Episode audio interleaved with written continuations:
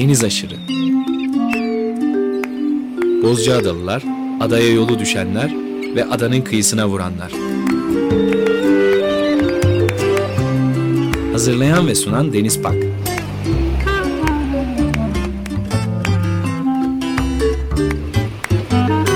Türkiye için rüzgar enerjisi üreten Demirer Enerji'ye katkılarından dolayı teşekkür ederiz. 95.0 Açık Radyo'da yeni bir Deniz Aşırı programından herkese merhaba. Bu hafta en son 3 Kasım tarihinde konuk ettiğimiz İsmail Erten'le tekrar birlikteyiz. Bugün bir olağanüstü gündemle aslında bir aradayız. Bir numaralı Cumhurbaşkanlığı kararnamesinin 102. maddesi uyarınca 18 Eylül 2020 tarihinde onaylanmış ve 9 Kasım 2020 tarihinden itibaren bir ay süreyle Çevre ve Şehircilik İl Müdürlüğü ilan tahtasına asılmış olan 1 bölü 50 bin ölçekli Balıkesir, Çanakkale illeri bütünleşik kıyı alanları planını konuşacağız. Ve bu bölgedeki itiraza ilişkin bazı şeyler dinleyeceğiz İsmail Bey'den. İlk önce e, hoş geldiniz. Siz hoş bulduk. Merhaba tekrar e, yakın tarihte yaparız diye konuşmuştuk ama evet. böyle bir olağanüstü gündemle bir araya geleceğimizi açıkçası bilmiyorduk. Bilmiyorduk. Çok da güzel müzikler seçtik dinleyicilerimiz için. E, sırasıyla hepsini e, yapacağız. E, isterseniz nedir bu imar planı? E, evet. E, biraz buna bakalım. Sizden e, bu konuda görüşlerinizi, bilgilerinizi dinleyelim. Evet. E, aslında bu bir plan mıdır, bir belge midir o bile tartışılır. Çünkü bu stratejik üst düzey kararları veren bir organizasyonun, Manevela'nın e, belgesi diyebiliriz. Eskiden biliyorsunuz bölge kalkınma planları vardı 60'lı yıllardan beri. O bölgelere, belli alanlara hükümler getirirdi ve bunlar programlanırdı. 5 yıllık kalkınma programı diye. İşte Marmara bölgesi, Ege bölgesi filan diye. Ee, şimdi bunlar kalktı. Biliyorsunuz 2000'li yılların ortasında Avrupa Birliği uyum yasaları çerçevesinde Türkiye'yi 20 küsür, 22 galiba bölgeye bölündü ve bu bölgelerde kalkınma ajansları kuruldu. Çanakkale'de de Balıkesir ve Çanakkale illerini kapsayan Güney Marmara Kalkınma Ajansı kuruldu. Bu kalkınma ajansları kurulduktan hemen sonra dendi ki 1 bölü 100 bin mekansal ölçeği kapsayan çevre düzeni planı yapacaksınız. İşte bu plan e, birçok kalkınma ajansının, ajansının hemen e, kuruluş sonrası yapılırken Çanakkale'de 2014-2015'lere kadar süren son planlanan bölgelerden birisidir. E, yapıldı ve onaylandı. 2010'da. Bu plan zaten tartışma yaratmıştı. Ee, şimdi bu 1 bölü 100 bin planına bağlı olarak yapılan bir alt plandır bu. Kıyı bölgelerini kapsayan 1 bölü 50 binlik alt plandır. Şimdi 1 bölü 50 bine girmeden 1 bölü 100 binde 3 tane cümle müsaadenizle e, Deniz. Şimdi 1 bölü 100 binin aslında bu coğrafyaya getirdiği geçen programda da altını biraz çizdiğimiz mesele şudur. 3 misyon veriyor. Bir tanesi Balıkesir, Tekirdağ arasında Çanakkale Boğazı'ndan geçen köprüyle bir otoban ağı. Bir tane misyonu buydu. Yani geçilen bir coğrafya olması ve bu o geçilen önemli aksında civarında bir sürü değer, bir sürü rant, bir, tür, bir sürü mekan, bir sürü yapı olacağı kuşkusuzdu. İkincisi bu e, alanın kuzeyinde yani Bandırma, Gönen, Biga, Lapseki aksında özellikle sanayi alanları İstanbul'un e, ve Bursa'nın altlığı gibi kullanılabilecek ağır sanayi alanları öneriyordu bu plan. Ve bir de o bölgelerden Kaz Dağları'na doğru olan bu coğrafyada yani Biga Yarımadası'nda maden alanları öneriyordu. Şimdi kuzeyinde böyle akslar önerirken güneyine geldiğimizde ise özellikle Gelibolu, Gökçeada, Bozca'da işte Ezine, Ayvacık, Ayvalık'a kadar olan Edremit Körfezi dahil olmak üzere sahil kesimlerinde turizm öneriyordu ve çok değerli de tarım potansiyelini öne çıkıyordu. Zeytin gibi işte diğer e, alanlar gibi ve bunların tarımsal hayvancılık, ezine peyniri dahil olmak üzere e, tarıma dayalı sanayi öneriyordu. Şimdi 100 bin plan bu 3 misyondan öte bir sürü şeyi de kapsıyordu. Ama bu 3 misyonun e, özellikle iki yani kuzeyindeki ve güneyindeki misyonlar olan sanayi ve madencilik ile turizmin sahille bağlantısını kurabilecek bir belgedir 50 bin plan. Adı budur bence. Biraz önce çok uzun bir adı söyledik ya.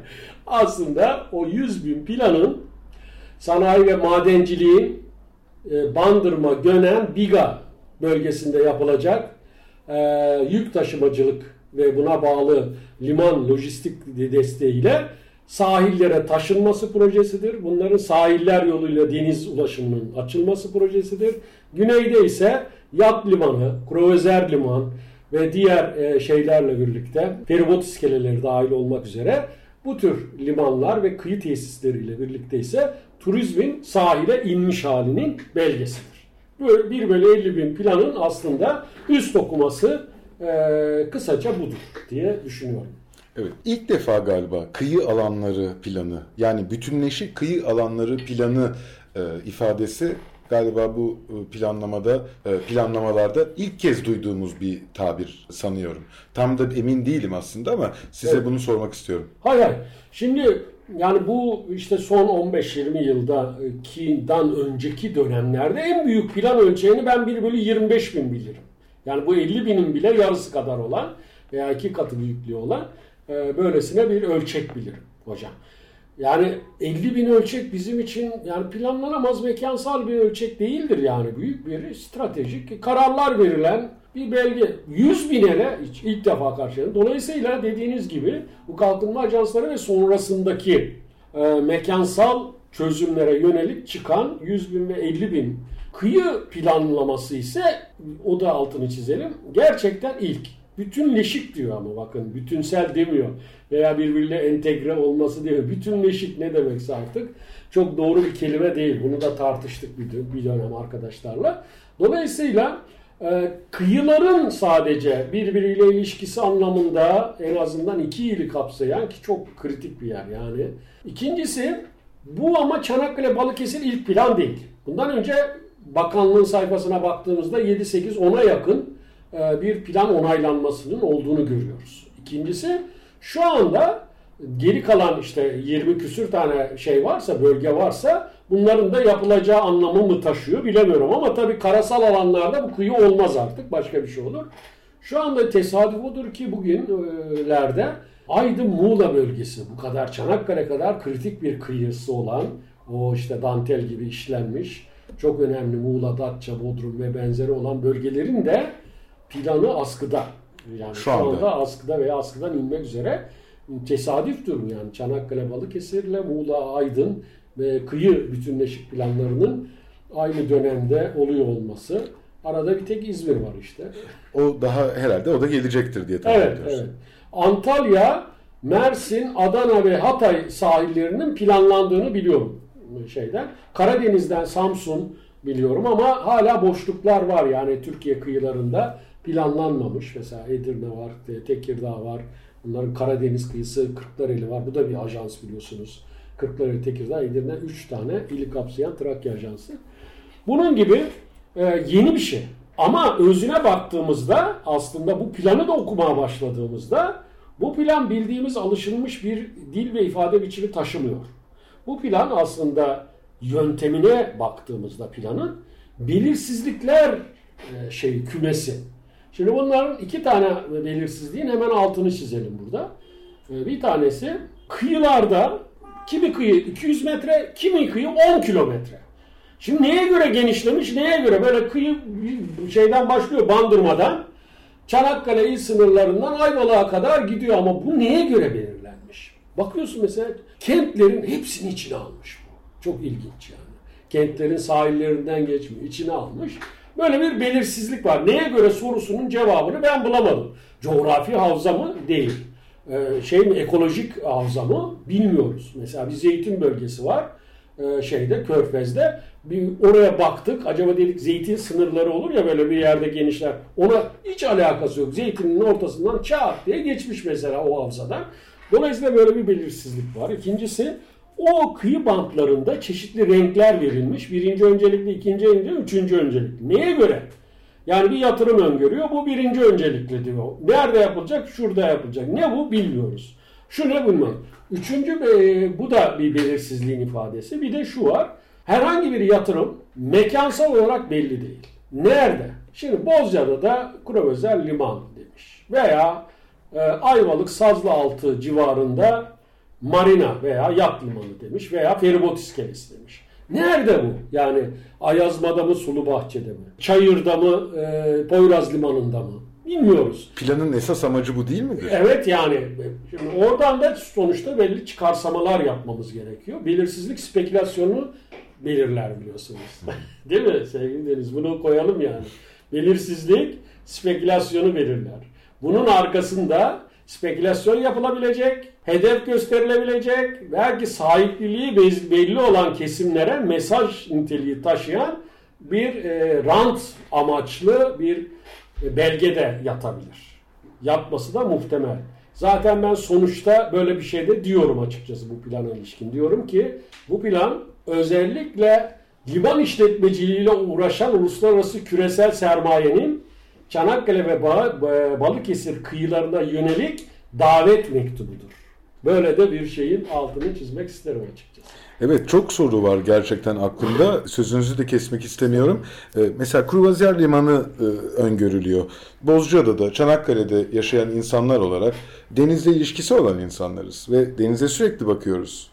Sürekli görüyoruz. İstanbul'da da gittiğimiz zaman, orada bulunduğumuzda hep gözlediğimiz bir şey. Türkiye'de bir tane, iki tane, belki ayda bir ya da iki tane gemi geçer Çanakkale Boğazı'ndan. Onun da Türk gemisi olmadığını biliyoruz dışarıdan bir gemi belki Karadeniz'e açılmak üzere gidiyor. Belki e, İstanbul'a e, gidiyor. Geçmiş yıllarda biraz daha fazlaydı bu gemi turizmi belki ama e, Türkiye'de e, Türkiye'nin bu kadar gemisi var mı onu da bilmiyorum.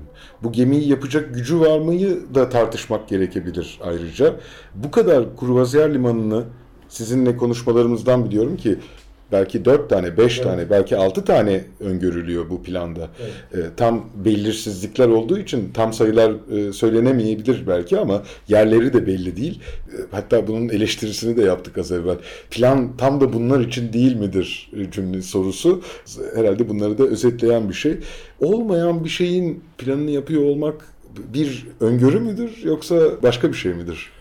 Yani şimdi şu, şu tabii bu saydığımız herhangi bir şey yani yat limanı marina da diyebilirsiniz buna, Krovezer liman da diyebilirsiniz. Hı hı. Aslında limandan öte liman ötesi tesisleri daha büyük rant getirmektedir. Hı hı. Yani siz Ayazma'ya bir Krovezer liman yaptığınızda ona mutlaka AVM'sini, alışveriş merkezini, değil mi? Otelini, kafe, restoran, barını yapmak durumundasınız. Yani bu Bozcaada'nın dörtte birini götürür zaten. Herhangi bir özel liman yaptığınızda herhangi bir yere yani ben Ayazma dedim de Çayır'da olur bu, e, Boyraz'da olur ve benzeri. Velhasıl kelam şimdi baktığımızda orada bütün bunların yani liman, marina, yat limanı, yük limanı, feribot iskelesi bilmem ne dediğimizde onun karasal ayağı daha öne çıkmaya başlıyor. Farkındaysanız şimdi bir sürü fotoğraf var ortada. Bir yere masumane bir yat limanı yapılmış değil mi? Yani geliyor yatlar oraya yanaşsın. Atıyorum e, şeyde Muğla kıyılarında böyle bir yer. E bakıyorsunuz o denizi kapsadığı yat limanın 3 katı büyüklüğünde karasal şeyler var. Rant tesisleri var orada.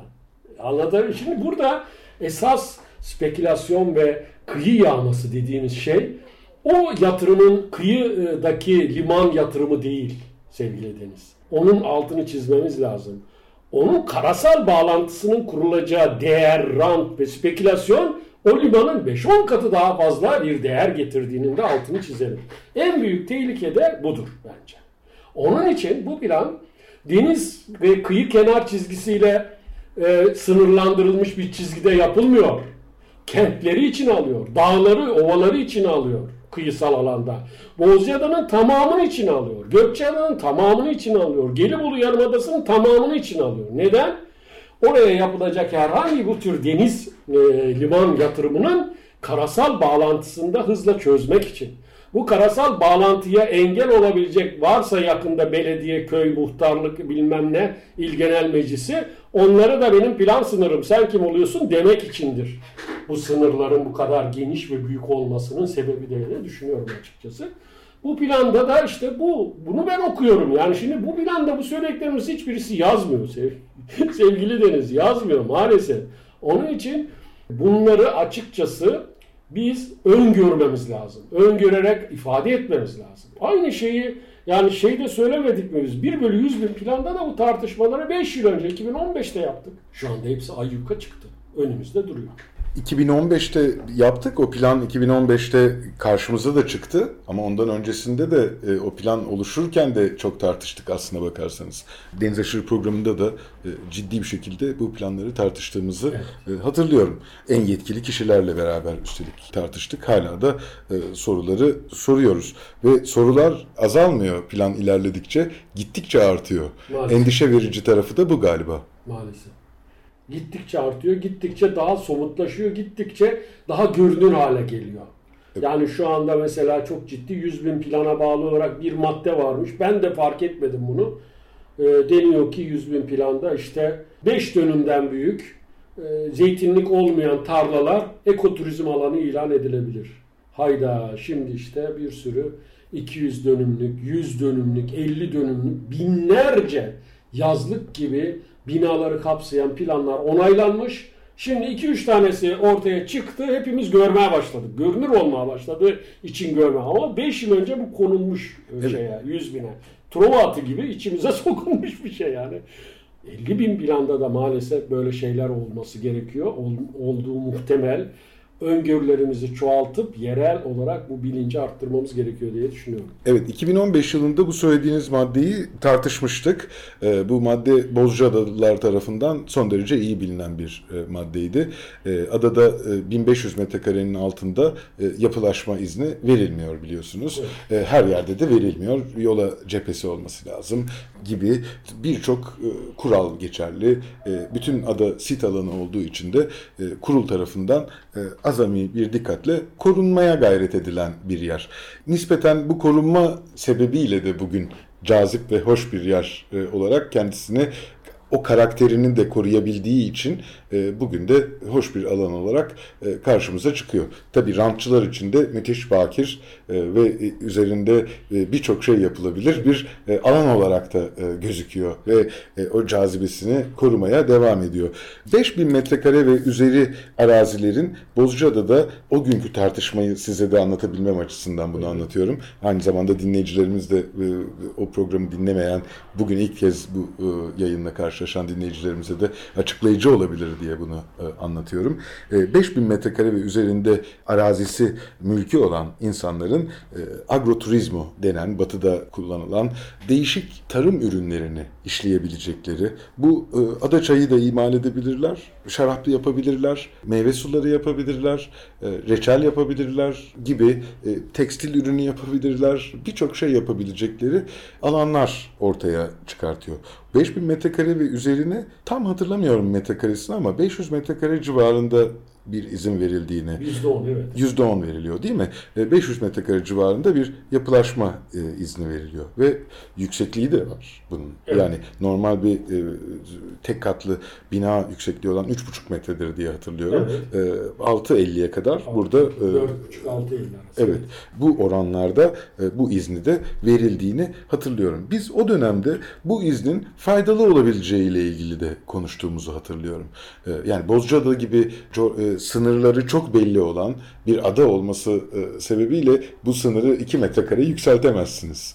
Dolayısıyla Bozcaada üzerindeki arazilerin yapılarına ve sahiplerine baktığımız zaman bu oran o kadar az ki 5000 metrekare ve üzerinde Evet. e, bir yer sahibi yok değil var ama son derece az. Diyelim bu 3000 metrekare olsaydı 700 kişiyi etkileyecekken 5000 metrekare ve üzeri olduğu için maksimum 80-100 kişiyi etkileyebilecek bir e, hale geliyor. Bu rakamlar kesin rakamlar değil. Şu anda e, Ama sizinle konuşurken böyle, evet. yaklaşık oran budur. Bir yanılma payını içermekle birlikte yaklaşık oranı budur. Böyle bir e, durum vardı. Bilmiyorum bu bölgede içinde yani bütün Balıkesir ve Çanakkale bölgesi içinde 5000 metrekare ve üzerinin aynı benzer bir pozitif etkisi var mıdır yok mudur e, bilmiyorum. Size de sormak isterim. Uzmanı sizsiniz. Yok, şimdi ana karada yok. Özellikle ya Ayvacık, Küçükkuyu, Gülpınar ve Ge- Geyikli'ye kadar olan yani veya Çanakkale'ye kadar olan sahil kesimlerinde yani düşünebiliyor musunuz adam 50 dönüm bir e, tarla alıyor. Zeytinlik olmayacak. 50 dönüm yerde 5000 metrekare yapabiliyor.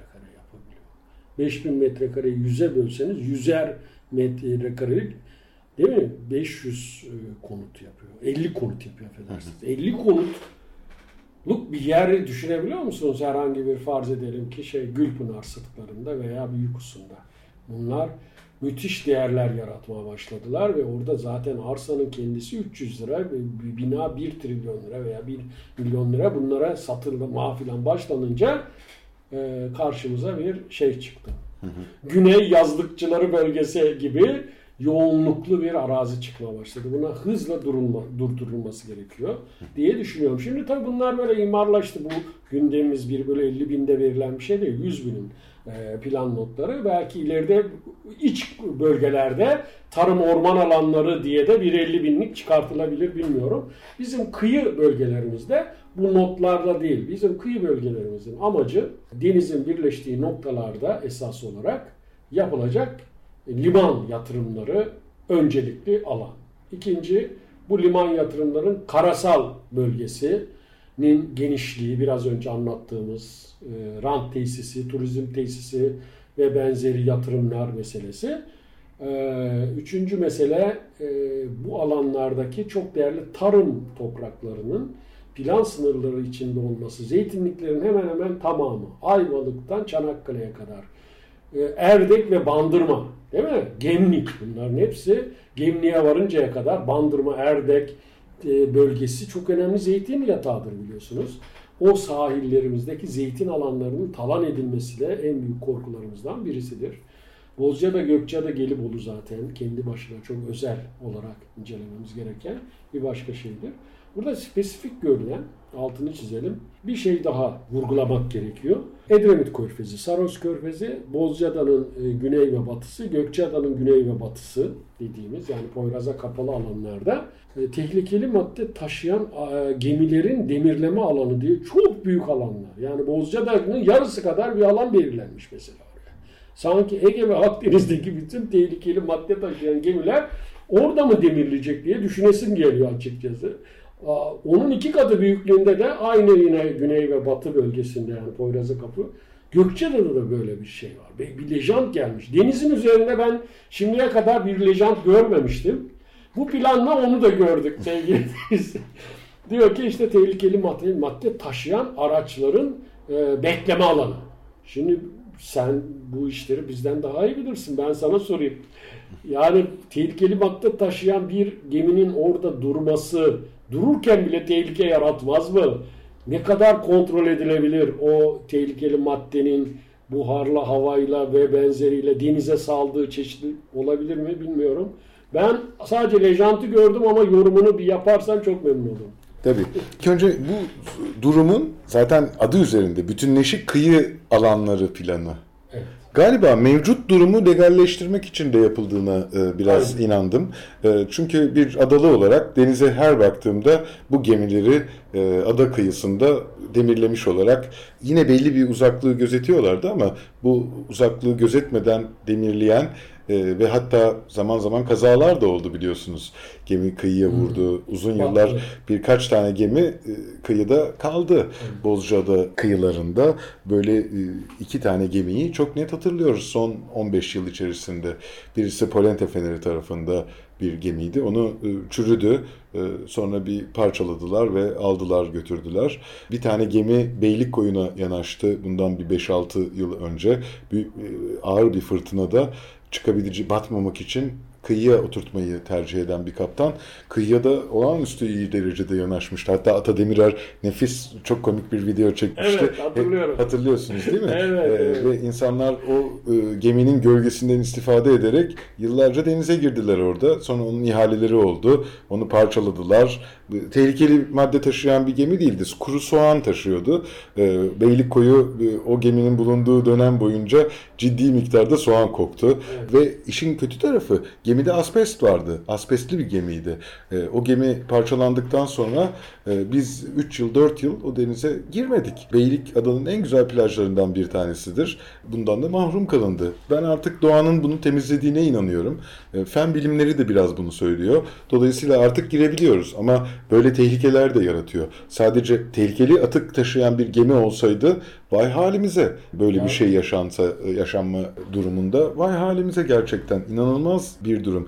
Şu anda hangi geminin tehlikeli e, atık taşıyıp e, taşımadığını ya da tehlikeli madde taşıyıp taşımadığını bilememekle birlikte Bozcaada e, ve Gökçeada kıyılarında rüzgara tarih boyunca da bu böyle olmuş. Troya Savaşı'nda da ordular Bozcaada kıyılarında aynı yerlerde beklemişler, demirlemişler, tamir etmişler, yapılanmışlar ve bu şekilde saldırmışlar. Bugünkü hali de bu nakliye gemileri rüzgardan korunmak için adalarda biliyorsunuz konudan konuya atlıyorum biraz ama daha anlatıcı olması için e, adalarda herhangi Poyraz rüzgarında e, güneye sığınırsınız. Lodos rüzgarında da kuzeye sığınırsınız. Böylelikle her bir e, rüzgarda bir kuytu bulursunuz adalarda.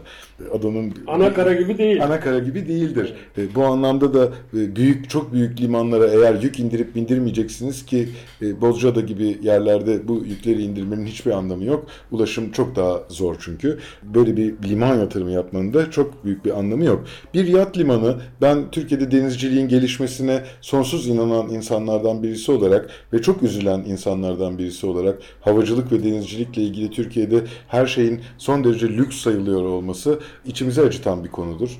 Ee, bunun e, hayatımızın içinde var olabilmesi için oradaki yüksek vergilerin kaldırılması gerektiğine inananlardan bir tanesiyim ve daha ulaşılabilir olması gerektiğine inananlardan bir tanesiyim. Bugün Amerikalı çiftçiler uçaklarıyla tarlalarına, bahçelerine bakabiliyorken, bordo bulamacını onunla atabiliyorken, bağcılar bunu yapabiliyorken e, biz hala çok primitif sırt pompalarıyla bunu yapıyoruz. Ve bu emin olun sokaklarda gezen çok pahalı araçlar kadar pahalı değil bu araçlar. E, ama öyle bir algı var ki bunlar çok lüks sayılıyor ve çok ekstrem sayılıyor. Buna uygun altyapı da yok. Bu altyapıların yapılmasıyla ilgili planlamalar aslına bakarsanız bir yandan hoş olabilir ama esas niyetlerin bu olmadığını buralarda çok net görüyoruz. Sizin anlattıklarınızda da bunu tam anlamıyla evet. pekiştirmiş oluyoruz. Etrafındaki alanlar bu, bu anlamda da tekrar teşekkür ederim size. Çok e, kıymetli bilgiler veriyorsunuz. Durum budur. Yani Bozcaada'nın tabii o planlarda mevcut yatırımların işlenmesinde baktığımızda e, şey var ya mevcut iskelemiz var ya bizim feribot iskelemiz. Onun hemen yan tarafı yat limanı olarak zaten mevcut yat limanı olarak kullanılabilir yat limanı olarak işaretlenmiş. Bilmiyorum yani orada ikinci bir yat limanına ihtiyaç var mıdır? E, Bozcaada Limanı kışın yatların barınması için oldukça zor bir yer. Lodosu açık bir liman. Bir tekneciyseniz teknenizi bir marinadaki gibi bırakıp aylarca terk edip e, geri geldiğinizde de aynı yerinde bulabileceğiniz türden bir liman değil Göç evet. Bozcaada Limanı. Hep üzerinde olmanız gerekiyor. Yani Lodos çıktı yer değiştirmeniz gerekiyor. Poyraz çıktı o yeri e, tekrar değiştirmeniz gerekiyor. Dolayısıyla tonoz yoktu yıllarca. Yeni koydular. Onun da sayısı çok azdır. Yani altyapısı çok e, zayıf bir limandır. O yüzden tekneciler genelde e, işte mazot almak için, benzin almak için, alışveriş yapmak için bu limanı e, kullanırlar. Eskiden gümrük kapısı varken çıkış için kullanılırdı. E, gümrük kapısı da artık yok. Bozca'da da gümrük kapısının olmaması da hakikaten içler acısı bir durumdur yani. Eğer teknenizle Bozcaada'dan hemen 17 mil aşağımızdaki Midilli Adası'na gitmeye kalkarsanız Çanakkale'ye gelip çıkış almanız gerekiyor. 17 millik yol size 100-120 mil haline gelmiş oluyor. Böylelikle e, denizciliğin önünde bir engel de budur bir yandan baktığınız zaman. Bir marina olması Bozcaada'nın denizle bütünleşmesi açısından belki hoş olabilir. Bunun yeri, etrafı nasıl olur bilmiyorum plan yapıcı da ben de değilim ama böyle bir e, böyle bir şeyin olması belki hoş da olabilir. Fakat sizin anlattığınız ve bu planlarda gördüğümüz yani 1 bölü 100 bin planını çok detaylıca incelediğimizde e, orada çok büyük sorunlar olduğunu biz de gördük. Bu ihtiyaca rağmen bunu söylüyorum. Evet, evet. Evet, 50 bin, 100 binden sanki daha belirsiz bir çalışma. E, ben plan raporlarını ve plan hükümleri dediğimiz özel notları falan da okudum. Yani çok belirsizliklere bağlı bir e, kıyı şeridi belirleniyor. Dediğim gibi bu acaba bir davetiye midir? Acaba böyle bir spekülasyon ve ranta hizmet edebilen ve bunlara davet çıkartan sermayenin bu bölgede kıyı tesisi, kıyı alanı, kıyıyı işte bu tür e, kullanılması için e, bir çağrısı mıdır diye de böyle şeylerimiz var, soru işaretlerimiz var. Bu da ortama sanki uyuyor gibi çünkü biliyorsunuz yani Türkiye'nin çok kaynağı artık satılabiliyor. Değil mi? Fabrikaları, e, ulusal e, şeyi savunma sanayisi dahil olmak üzere bir sürü şey satılabiliyor, e, satılabilir hale geldi. E, Çanakkale'nin kıyıları da bakir alan olarak satılmasın açıkçası. Bu arada biz de gümbürtüye gitmeyelim diye de titiz olmak gerektiğini düşünüyorum. Ben bu plan sayesinde en azından bu tür tehlikeleri ortaya koyalım. Ama biraz önce senin değerlendirmende de gördüğüm gibi bu plan belki bir vesile olarak bize kıyı ve kıyı e, tesislerimizi, kıyı e, limanlarımızı tartışmamızın da bir olanağı olsun. Hiç tartışmıyoruz bunları. Deniz yani ben öyle görüyorum açıkçası. Tartışsın her bölgede oturalım bunları konuşalım. Balıkçı barınaklarında bile problem var Çanakkale'de. Yani bir sürü barınak anlamsız yerlerde kurulup 5 sene sonra kum doluyor biliyorsunuz. Gayet tabii. Evet yani bunları da en azından konuşabilmemizin hep e, şey e, kötü ve kötü yanlış şeylerden öte belki nasıl bir kıyı sistemi konusunda oturup konuşabilmemiz de gerekiyor. Bolca da dediğiniz gibi belki denizle olan ilişkisini daha da iyi ve doğru yönde kanalize etmek için bu vesileyle bunları konuşabilmelidir diye de düşünüyorum. Tabii tarih boyunca böyle olmuş. Siz bu tarihi bugün ulaşım çok rahat diye tamamen karaya endekslerseniz gerçek ada hayatını da tam anlamıyla kesmiş budamış olursunuz. Bu ada hayatının, adanın ada olmasının, Türkiye'nin bir adası olmasının, Ege Denizi'ndeki iki adasından birisi olmasının açısından bunları çok doğru değerlendirmek ve bu planlara gereken hassasiyetle yaklaşmak lazım. Zaten bu amaçla buradayız.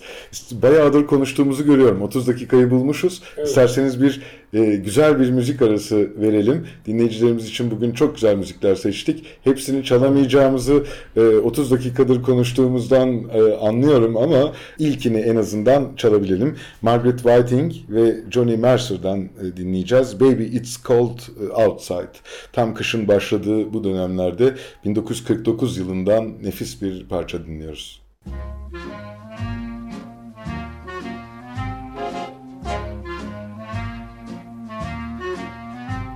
I really can't but stay. But baby, it's cold outside. I've got to go away. But baby, it's cold outside. This evening has been, been hoping that you'd so drop in. very nice. I'll hold your hands; they're just like my ice. mother will start to Beautiful, worry. what's your hurry? Be pacing the floor. Listen to the fireplace. So roar. really, I'd better scurry. Beautiful, please don't Or hurry. maybe just a half a drink Put more. some records on while I. The neighbors might think. maybe it's bad out there. Say, what's in this no drink? cabs to be had out there. I wish I knew Your how eyes are like starlight to now. break the spell. I'll take your hat. your hair looks I swell. ought to say no, no, Mind no, if. I'm moving? At least I'm gonna say that I tried. What's the sense of hurting my pride? I really can't stay. Baby, don't hold out. Ah, Baby, but it's it's cold outside. I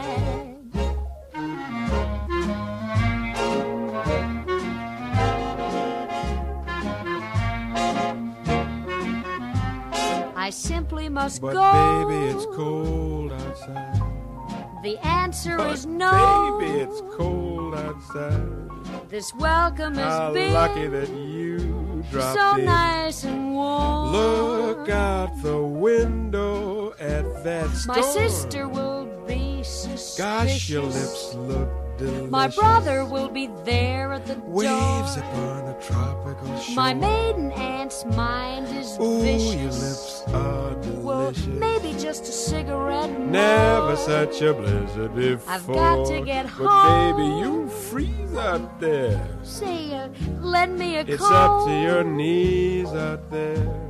You've really been I grand. thrill when you touch my But hand. don't you see? How can you do this thing to me? There's bound to be talk tomorrow. Think of my lifelong At sorrow. least there will be plenty in If you caught pneumonia and I really died, can't get stay. over that old doubt.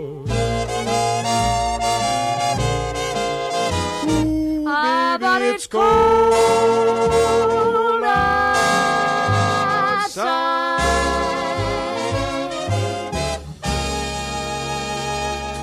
95.0 Açık Radyo'da Deniz Aşırı programına kaldığımız yerden devam ediyoruz. Nefis bir e, parça dinledik. E, program konuğumuz İsmail Erten'le sohbetimize devam ediyoruz. 9 e, Kasım 2020 tarihinden itibaren bir ay süre ile Çevre ve Şehircilik İl Müdürlüğü ilan tahtasına asılmış olan 1 bölü 50 bin Balıkesir, Çanakkale illeri bütünleşik kıyı alanları planı hakkında konuşmaya e, da kaldığımız yerden devam ediyoruz. Tam da bu noktada bunu soracağım. 9 Kasım 2020 tarihinde bu plan askıya çıkmış.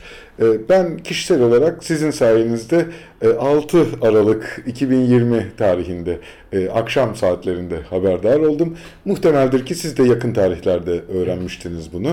Hemen e, bu e, bunun itiraz süreçleriyle ilgili yani bu planı kabul etmek mümkün değil. Geliştirilebilmesi ve bunun tartışılması ise kesinlikle olması gereken.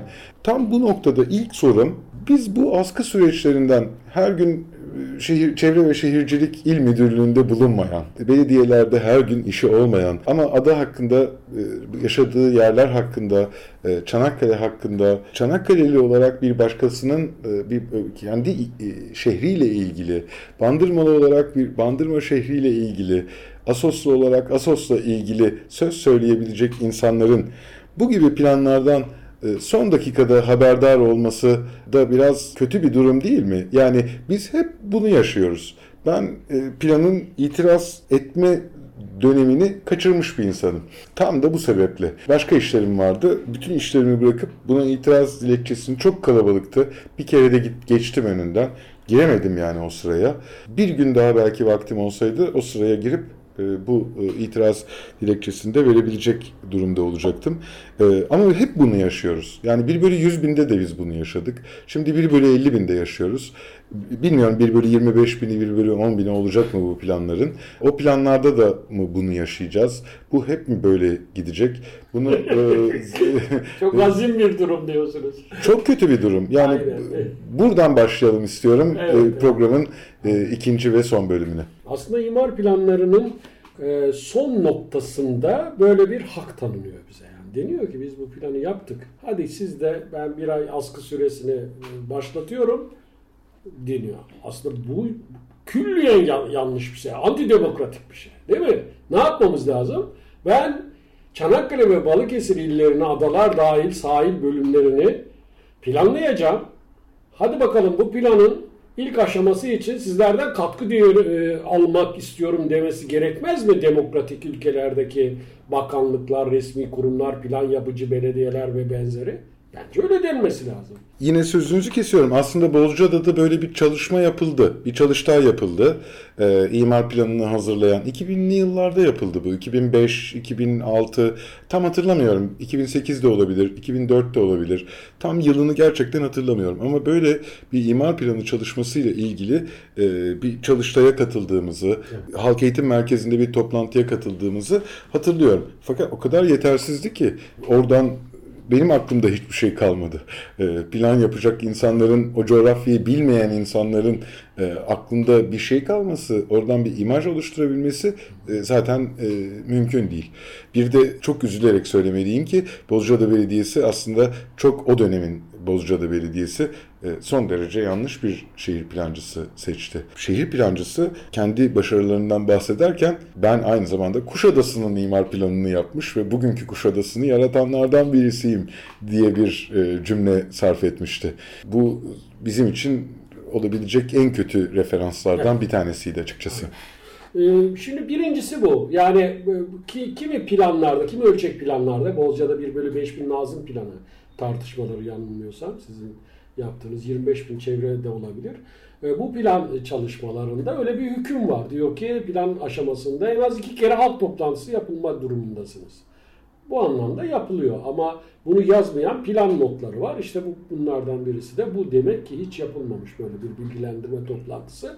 Keza dediğiniz gibi bundan Çanakkale'deki hiçbir seçilmiş, atanmış resmi kurum bile haberi yoktu bu planda. Benim görebildiğim o. Sivil toplum örgütlerinin, mesleki örgütlerin, uzmanların da haberi yoktu böyle bir plandan.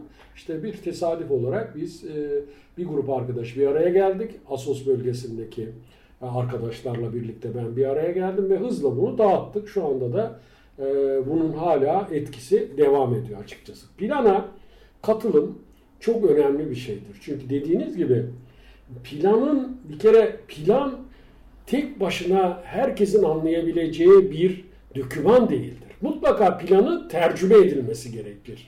Yani klasik e, olarak bir e, uzman kişi okuyabilir ama onun tercümesini yapıp topluma onu ifade etmesi gerekir. Biz şu anda Açık Radyo'da senin programda biraz onu yapıyoruz. Anlatabildim mi? Yani ben bu paftaları ve o linki size atsam siz bunun, benim biraz önce benim ifade etmeye çalıştığım, tercüme ettiğim şeyleri orada görmeniz imkanı yok. Bulmanız pek mümkün değil. Dolayısıyla böyle bir araç olduğu için onun tercüme alanında bulmamız lazım ki katılımcı süreçleri örgütleyebildiğim bilelim.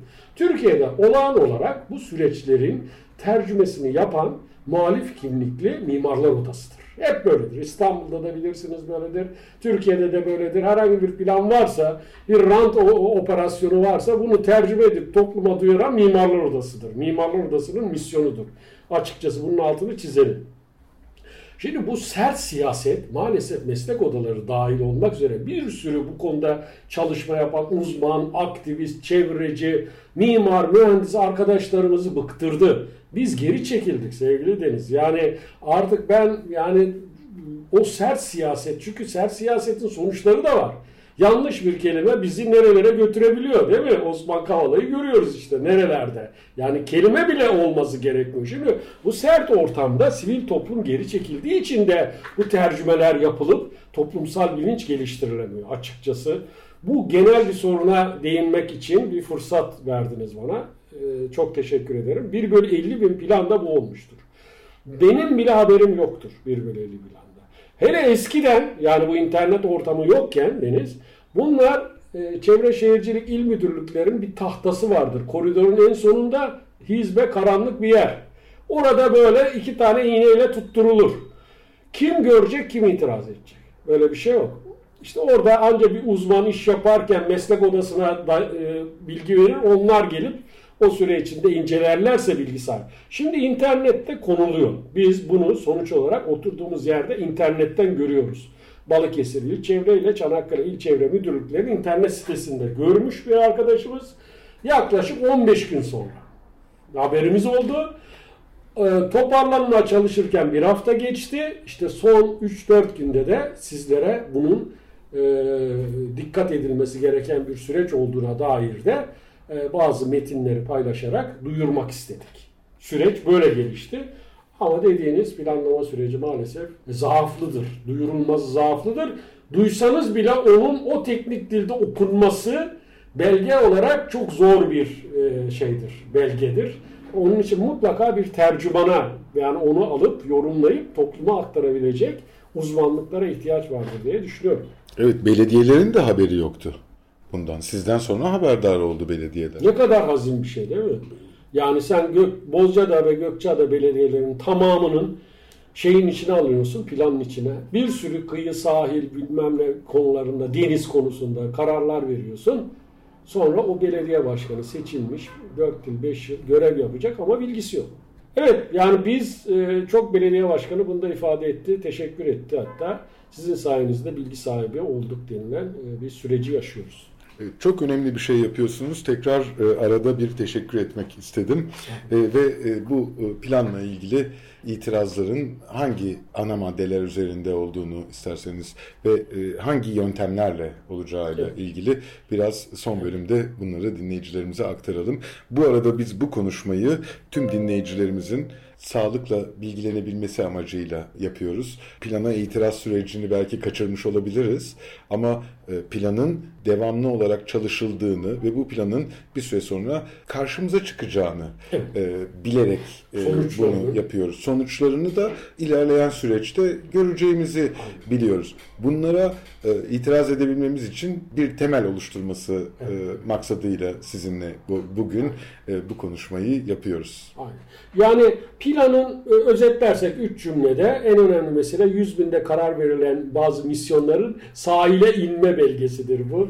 E, oralarda rant tesisi yaratma ve ikincisi sahillerimizde sadece denizi ilgilendiren değil kıyıları da ilgilendiren önemli yatırımların bir belgesidir. Üçüncüsü ise e, kıyı kesiminde ciddi yağmaya yol açacaktır. Zeytinlik alanları, tarım alanları dahil olmak üzere. E, bir başka özelliği denizlerde bazı lejantlar verilmiş işte e, e, ne tehlikeli madde taşıyan gemi e, otoparkları çizilmiş diyelim veya işte bu tür denizlerde lejantlara verilmiş ilk defa bu planla. Belki son olarak altını çizmemiz gereken bir şey de şudur. Mutlaka dikkatli olunması gerekiyor. Kıyıdaki bütün ve adalar dahil olmak üzere belediye sınırlarını içine alan bir plan çerçevesi vardır. Her an bu yetki, planlama yetkisi ve benzeri konularda müdahale edebilir bu plan yapıcı merkezi yönetim. O konuda da yerel yönetimlerin, yerel iktidarların e, titiz davranması gerektiğini düşünüyorum. E, yöntemi açıkçası yani mücadele değil yöntemi, karşı çıkmak, yanlışları ifade etme yöntemi iki boyutludur. Hemen onu özetliyorum. Birinci boyutu şu. Hukuki mücadele. Biz şimdi 9 Aralık'a kadar 100'e yakın veya 100 civarında kurum, kuruluş, belediye, e, birey, yurttaş, e, çevre örgütü, dernek başvuru yaptık. Bu yeterli bir sayıdır bence. Bundan sonra siz yapamadık diye üzülmeyin. Herhangi bir hukuki sürece müdahil olabilirsiniz. Yani yapmasanız bile yapan bir arkadaşımız hukuki süreci yürütürken müdahil olma şansınız bu bölgede yaşayan bir insan olarak her zaman vardır. Böyle bir ehliyetiniz var. Bitti 9 Aralık'ta. İtirazların bize geri dönmesi gerekiyor hukuki olarak. Ee, Bu geri dönüş tarihi klasik olarak 30 gündür. Yani 30 günde cevap veriyor. Cevap verilmezse reddedilmiş sayılır. Yani size itiraz verilmişse verilecek diye beklemeyin. Öyle de bir durum var. 30 gün sonra ise e, başlayan yani 30 gün ne zaman? 9 Ocak gibi. 60 gün 9 Şubat, 9 Mart. 9 Mart'a kadar da bu e, süreçten etkilenen ve itiraz eden kişilerin dava açma ehliyeti vardır. Hepsi itiraz edilecekse. Ama umuyoruz ki plan askıya alınır. Hadi arkadaşlar gelin hep beraber doğruları bulalım. Sevgili Deniz Bak sen bir deniz uzmanısın. Gel bakalım düşüncelerini Bozca'da kıyılar konusunda paylaş. Diğer uzman arkadaşlarımız yerel yönetimlere ben de öyle bir hayalim de var açıkçası. Neden olmasın diye de düşünüyorum. O zaman ne mahkeme ne bilmem. Ama hukuki süreçte biz biliyoruz ki bunların hepsi reddedilecek. Taleplerimiz karşılanmayacak ve dava süreci başlayacak. Artık o iki yıl mı sürer? Beş yıl mı sürer filan. İtirazlar ve mahkemeye verilmek planı durdurmaz. Bu yasal bir şeydir yani maddedir. Plan yürür. Yavaş yavaş yürür. Limanlar yapılır, kıyı tesisleri yapılır ve benzeri. Şimdi bu hukuki süreç bir taraftan giderken esas mesele konuşmamızda da altını yer yer çizdiğimiz mesele diğer mücadele tekniklerini geliştirmemiz gerekiyor. Bunların en önemlisi kıyılarımıza, denizlerimize, sahillerimize sahip çıkmadık için farklı dildeki olan planın okumasını başta uzmanlar, yetkili seçilmiş siyaset, siyasi parti temsilcileri, belediye başkanları, meclis üyeleri olmak üzere üniversitedeki akademi halka duyurması lazım. Onun için diğer mücadele alanlarının başlatılması gerektiğini düşünüyorum ben hızla. Bunu bu çağrıyı da her noktada herkesle açık radyoda da şu anda paylaşıyorum. Rica ediyorum. Ne olur diyorum ki herkes linki belli olan bu planların e, incelesin, araştırsın. Özellikle uzmanlar, şehirciler, mimarlar ve buradan çıkan sonuçları toplumun iletişim kanallarına yayalım. Bu siyaset bunları alsın. Mevcut siyasetler bunu toplumun en geniş kesimlerine duyursun. Yerel yönetimler alsın kendi e, yaşadığı topluluklarla bunları tartışsın, konuşsun. Ve bir toplumsal mücadele alanı geliştirelim. Bilinçli ve bilgili olarak. İşte bu mücadele alanından çıkan sonuçları da bir toplumsal baskı olarak plan yapıcıya iletelim. Bu çok önemli bence bir alan olacağını düşünüyorum. Evet altını çizdik bir tane daha söyleyeyim. Burada da tekrar edeyim. Bu belge teknik bir plan değildir. Belge bölgede stratejik kararlar verilen siyasi karar e, belgesidir. Dolayısıyla bir siyasi iktidar tarafından, bakanlığı tarafından yaratılan bu belgenin, siyasi belgenin karşısına mücadele tekniği de siyasi olmalıdır diye düşünüyorum. Yani bizim bir noktadan sonra teknik eleman, mimar, mühendis ve benzeri uzmanlar olarak, çevreci olarak, uzman olarak, deniz biyoloğu olarak söyleyeceğimiz bir noktada kalıyor. Mücadele tekniği olarak bir kere söylüyoruz bilimsel gerçeklikleri ama esas mücadeleyi yaratacak olan siyasi mücadele tekniklerinin bu coğrafyada hızla geliştirilip e, geri dönüşlerin, olumlu geri dönüşlerin alınması gerektiğini de düşünüyorum. Dinleyicilerimiz bu plana hangi siteden ulaşacaklar? Askıdan indirilip indirilme, indirildikten sonra hala linki olup olmadığını bilmiyorum. Ee, Çevre Şehircilik e, Bakanlığı Çanakkale İl Müdürlüğü'nde. Ben oradan indirdim. Arşivimde var. Belki bunu bir belediye veya bir siyasi organizasyon veya ben, siz bunu bir e, şeyde link olarak da oluşturabiliriz. İsteyen oradan planı okuyabilir. Yani ben bütün o planın raporları ve plan şeyleri hepsi bilgisayarımda arşivde. İlle bir internet ortamı. Ama şu anda olabilir. Kontrol etmedim son 2-3 günden beri. Oradaki linkten de ulaşılabilir. Bilgi alabilir. Ama sıradan bir insanın o plan okuması çok zordur sevgili Deniz. Yani altını çizelim sen e, ifade ettin bunu. E, onun yerine bence biz e, sizler gibi iletişim dünyasına katkı veren insanlar bu planı daha fazla konuşup en geniş kesime, belediye başkanları en geniş kesime duyurması için e, o tercüme edilmiş ifade biçimlerini yaymamız gerektiğini düşünüyorum. Çok önemli bir şey yapıyorsun sevgili Deniz şu anda. Sayenizde. e, biz de sizin sayenizde öğreniyoruz. Evet. Ben e, planın varlığından da sizin sayenizde e, haberdar oldum ve bu nedenle hemen bir arada bu konuyu e, konuşalım istedik. Fakat itiraz sürecine maalesef yetişemedik. Dediğim gibi son dakikalarda bu e, ortaya çıktığı için buradan sizinle konuşmamızdan anlıyorum ki bundan sonraki e, yeni imar planlarında da biz yine son dakikada haberdar olacağız ve bugün bunun için çalışmalıyız. Yani son dakikada haberdar olacağımız, henüz bilmediğimiz kim bilir hangi imar planına, kim bilir hangi e, ileriye dönük planlamaya ve hayatlarımızı kökten değiştirecek e, bu planlara hazırlıklı olmalıyız. Biraz bu konuda e, çalışma yapmamız gerektiğine inanmaya başladım. Bu aslında bir yandan da gelinen nokta itibariyle içler acısı bir durum gerçekten. Gerçekten. Yani o bir aylık süre hep 2-3 güne iniyor yani. Yani düşünebiliyor musunuz? Böyle bir yaşam bizi ne kadar psikolojik, sorunlara itiyor değil mi? Bir düşman var, devamlı plan, kararlar yaparak hayatımızı kötüleştiriyor.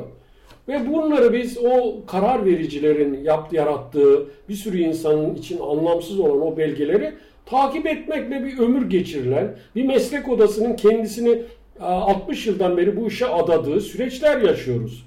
Ya neden böyle bir şey yaşatıyorlar bize bu ülkede? Biz daha iyi şeyler, yani bildiğimiz doğru şeyleri, güzel şeyleri, iyi şeyleri e, gidip onlarla paylaşma gönüllülüğüne sahipken neden biz ajan gibi aha plan askıda mı indi mi o gitti mi bu yani gerçekten böyle paranoyak bir durum oluşturuyor. Bu iktidar dediği gibi bir sürü sivil arkadaşımızın hiç de iyi bir şey değil yani. Ece Ayhan'ı hatırladım birden. Ece Ayhan da öyle der yani iktidar konusunda gerçekten bütün şüpheleri taşıyan kara şairimiz bizim. Sivil ve kara şair Ece da öyle der. Yani bu neden böyle bir ülkede yaşıyoruz? Açık açık şeffaf şeffaf kararlar tartışılsın, siyasi karar organları yapılsın. Üstelik hayırlı bir haberden bahsediyoruz. Yani bölgemizin kalkınmasıyla ilgili Evet. devletin ortaya koymuş olduğu bir projeksiyondan bahsediyoruz. Bu cümleyi böyle dinlediğimiz zaman ne kadar pozitif değil, Değil mi? Ee, ama e, karşımıza çıkan planlar ve altındaki e, niyetler ki bu bir niyet okuması değil. Gayet net bir fen bilimi konuşuyoruz üzerinde. Ee, yani niyet okuması e, fen bilimi üzerinden bir niyet ortaya koyulduğu zaman o niyet okumasını tartışılabilir hale getiriyor e, bir miktar. Gerçekten içler acısı ona diyecek bir şeyimiz yok ve bu mücadeleyi de demek ki coğrafya kader hakikaten E, ve bu coğrafyayı koruyabilmek için e, elimizden geleni ardımıza koymamamız gerekiyor. Aynı şeyi takip ediyoruz. Enerji e, hatları sebebiyle Saros Körfezi'nde de çok ciddi itiraz e, süreçleri var. Kazanılmış haklar var. Ama bu hakların dahi tanınmadığı e, uygulamalarla karşı karşıya kalabiliyoruz. Hatta yani biz şu anda e, onlardan biraz daha gerideyiz. E, belki biraz zamanımız var sadece buna. Belki bu mücadelemizi kazanmış olsak bile kazandığımız mücadeleyi tanımayan bir otoriteyle karşılaşabiliriz. Aynen öyle. E, Yani bu işte bence biraz açalım bunları. Gerçekten artık biz bu ülkede çok daha doğru, iyi şeyler için yaşamak istiyoruz. İlla onun için iktidarın değişmesi veya yeni iktidarın daha iyi bir şey olması gerekmiyor. İktidarların, siyasi karar mercilerinin gerçekten artık şeffaf, doğru ve iyi olanı kendi bünyesinde oluşturabilecek böyle temennilerle filan konuşuyorum ama yani o zaman biz bu paranoyak tutumdan, şüpheci tutumdan işte bir sürü e, takipçi ajan olmaktan kurtulabiliriz. O kararları şeffaf süreçlerle eğer alınabiliyorsa, katkılı bir şekilde katılımcı süreçlerle olabiliyorsa çok daha doğru ve demokratik bir ülkede yaşarız gibi geliyor bana.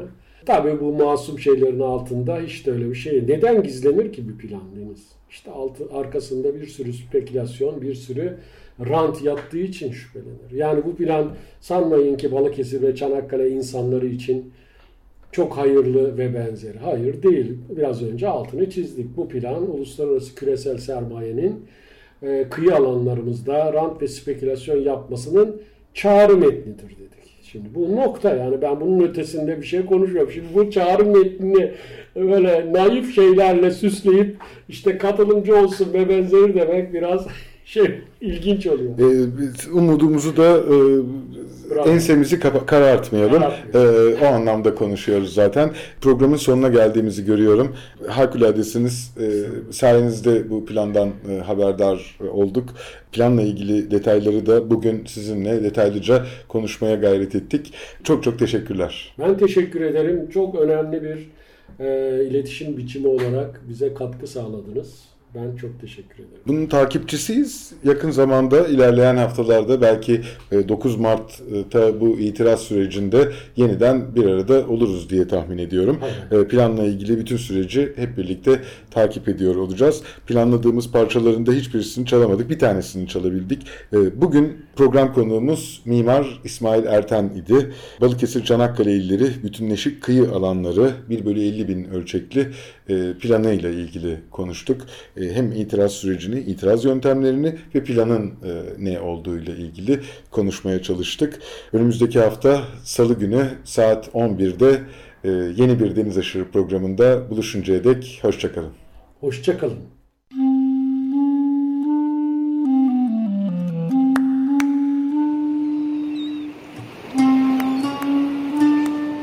Deniz aşırı.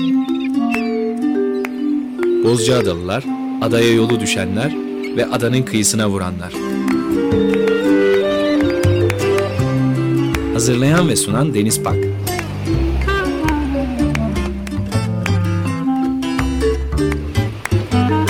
Türkiye için rüzgar enerjisi üreten Demirer Enerji'ye katkılarından dolayı teşekkür ederiz.